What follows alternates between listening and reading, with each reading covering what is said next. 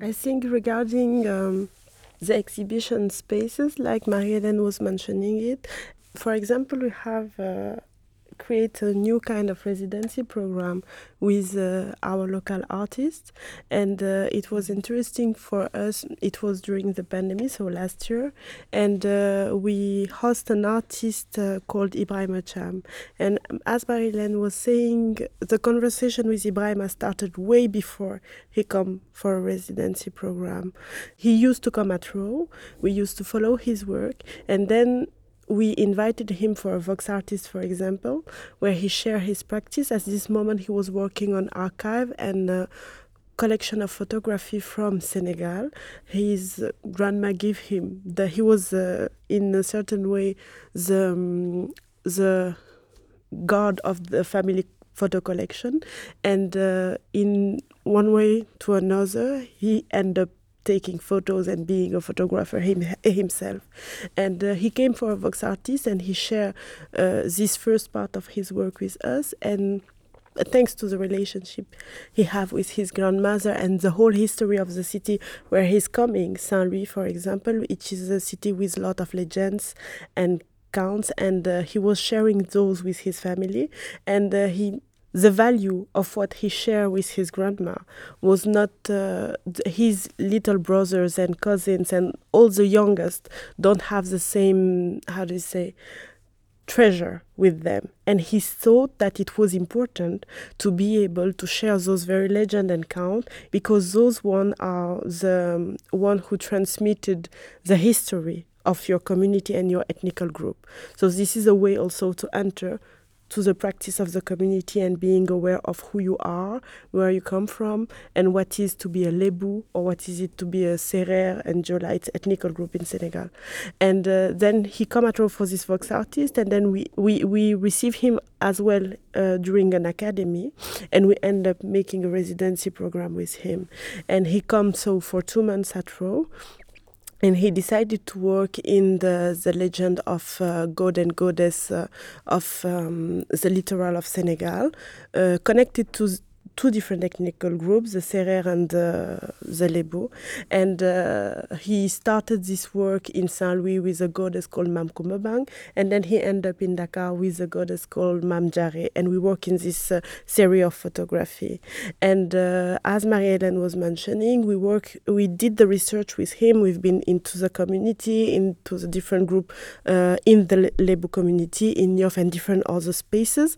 And uh, we share, so the knowledge with him. He, we learned a lot while we were doing this because we were digging into finding uh, scholars and people who wrote about those things or who had a point of view on this and can make the um, can make the link between what he was doing and uh, how people actually. Uh, live being part of those community.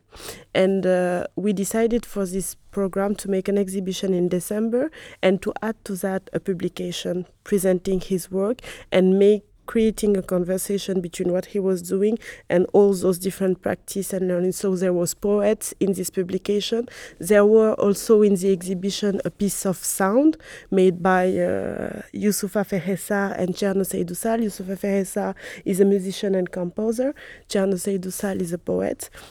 And this publication was also a, a curatorial space. I mean, in order to make to create links between, of course, essay, text, and poems, etc.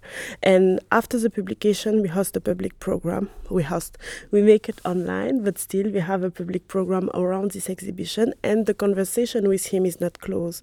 We are still working with him, still co- concealing him uh, advising, advising him and uh, following his work. And I think that we could end up in, I mean, two, three, or ten years doing still doing things with him. And uh, the residency program is a thing for that, but also the academy is help also making this connection and this link between the people coming at Raw and sharing their uh, practice of knowledge at Raw. Uh, we find out that uh, most of our fellows and faculty and director who pass through Raw uh, these uh, 10 past years now uh, are still connected together, are still working together.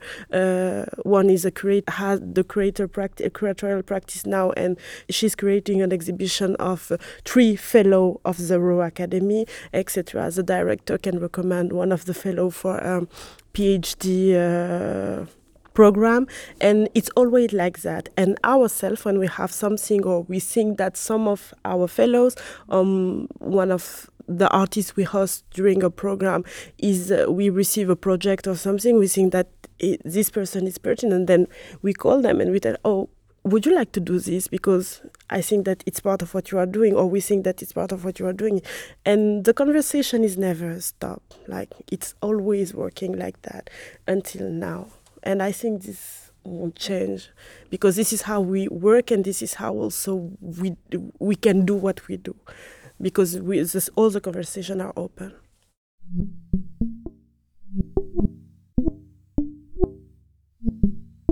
So, for instance, us being invited in MACBA uh, is great, but for us it makes sense when we are able to be in conversation with the Afro community here in, in, in, in Barcelona, in Spain.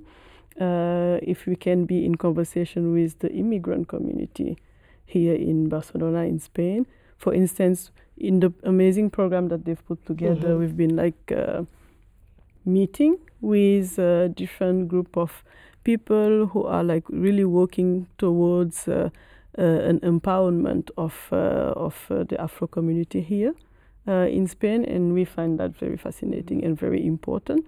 And for instance, if in the future for us and MACBA we find ways of collaborating in a program or a project, I mean, it can't happen without those people. Mm-hmm. Like, it can't happen just in the space of MACBA. It has to be done outside, you know. So, so, so that's very important.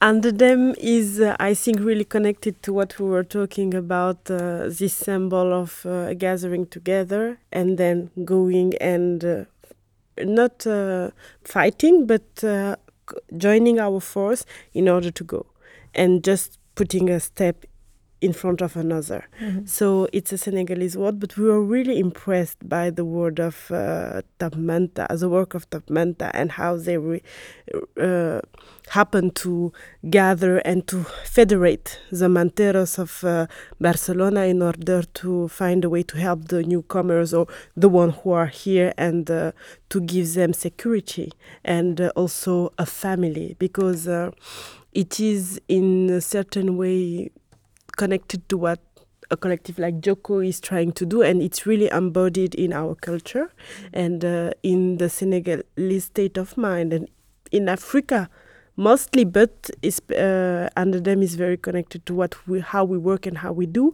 And you will see that even in Senegal, we have Manteros in Senegal, a lot of uh, marchands ambulants, and uh, they are connected. They work together. There is a huge and a heavy solidarity among them. And uh, in Senegal, they don't have to negotiate to have space in the street. They took the space in the street and they are really powerful. And uh, I think that this state of mind, being connected, working together, helping each other, and being sure that when you run, you don't leave the one behind you.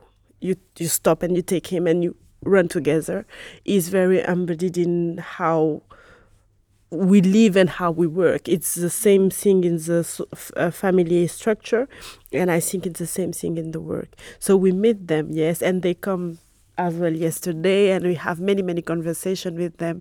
And yes, we are impressed. But they still, uh, when we talk with them, they also say that they were not alone.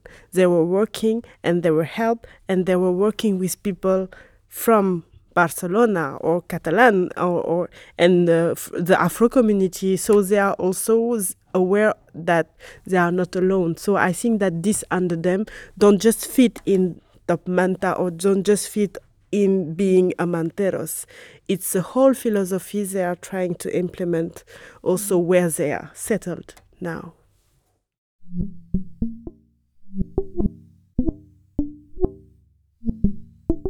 Uh, for instance, we hosted this artist called Tuan Andrew Nguyen, who is uh, from Vietnam and uh, who works mainly with uh, film. Antoine uh, was part of the Sharjah Biennale. I think it was 2019, uh, if I'm not mistaken. And he was part of the program developed by Zoe Butt, curator Zoe Butt and he was commissioned a work and uh, what he wanted to work on is uh, the, the, history and the memory of the Vietnamese community that is in Senegal. Uh, because for him it was very important to hear from them. From them, we know the general history, which is that uh, during colonial time, France organized a lot of troops uh, that they sent to to the Indochina War, and those troops were actually locals from uh, different countries uh, that they were colonizing, so Senegal being part of it, Mali, etc. And they were commonly called les tirailleurs sénégalais. Senegalese because the first troop was organized in Senegal, but uh, in the troops you had uh, different uh, nationalities. And uh, those people, when they went to fight for the war, after the war they came back home. But you know, like they were there for uh, 49 to 54. Uh, so they met with, you know, people from the Vietnamese community, and most of them met with women, Vietnamese women with whom uh, they had relationships, with whom they got married, or maybe they didn't get married, etc., etc. And when it was time for them to regain their own country, uh, they faced different challenges. So one of the challenge was that uh, they couldn't bring uh, a woman that they didn't marry. So those who were married, they could come with their whole family, so their wife and the kids. Those who were not married, they had to decide whether they will leave their children there or not. Uh, and uh, you have very very sad stories, uh, which were that uh, the father took the kids and left so the mom stayed there and uh, was separated from uh, her children. You have stories where uh, maybe the father didn't survive uh, in the war, so the the woman and her kids they had to decide, and they were married. They had to decide whether they would go to an unknown country, an unknown continent with their kids, or whether they would stay in Vietnam. Uh, and you had like so many stories that you couldn't even imagine uh, that happened then. And the thing was that for us, this is a history that we knew. Uh, it's about our context as well. We even have family members who have Vietnamese origin. Uh, but it was difficult for us to engage with it because it's a very sensitive subject. Uh, um, most of the Vietnamese women who came uh, with their families, you know, the, the, the, the husband, the kids, etc., had a very bad experience because they were not uh, necessarily welcomed properly in Senegal. Some of them had nice stories because like they had the chance to be in a family that was open, etc., etc., that welcomed them, and others like they, they really suffered. So how do you engage with such a history uh, in a way that will not add to the pain was very important for us to think about. So when Tuan decided to come for the residency at Raw, we said, okay, we're going to host you. We can organize the meetings with the community because we know many of them. So that's what we did. We organized meetings and had conversations with different members of communities, etc., etc. And himself, like he was aware of the fact that uh, even though he wanted to archive this history, he also didn't want to add violence to it. He also didn't want to exoticize it. So he also really uh, thought a lot about the way in which he would do this work. So first of all, the residency, the conversations, meetings, etc., and then he left Dakar uh, to really think about, like, in a very clear mind, how to do it. And then he came back another time and he came with an amazing uh, proposal, which was to make the film but to write the script with those people. So it was their voices, it was their, their, their stories written by themselves, and it was them acting in the film as well. Uh, and that was a very good way of, uh, you know, working together uh, working collectively, and also me creating a space for you to tell your own story as you want to tell it. Uh, and I think that was very powerful. Um, so that's one example, uh, and I think that uh, it's an example that made us think a lot about uh, the urgency of archiving orality.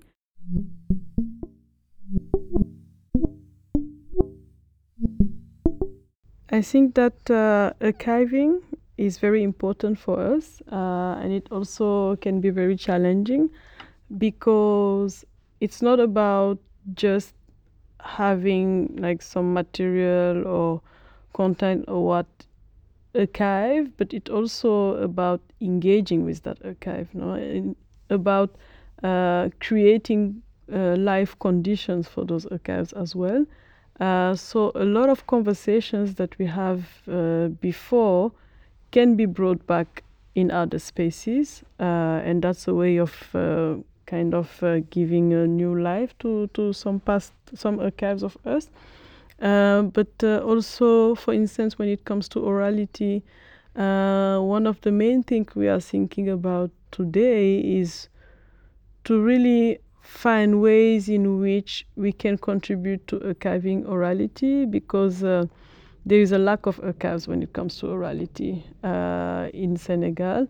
You can find some, but you know, to be able to find those, you have to meet with individuals, uh, which is great in terms of experience, but which is difficult when you think about the scale to which you have to do it at.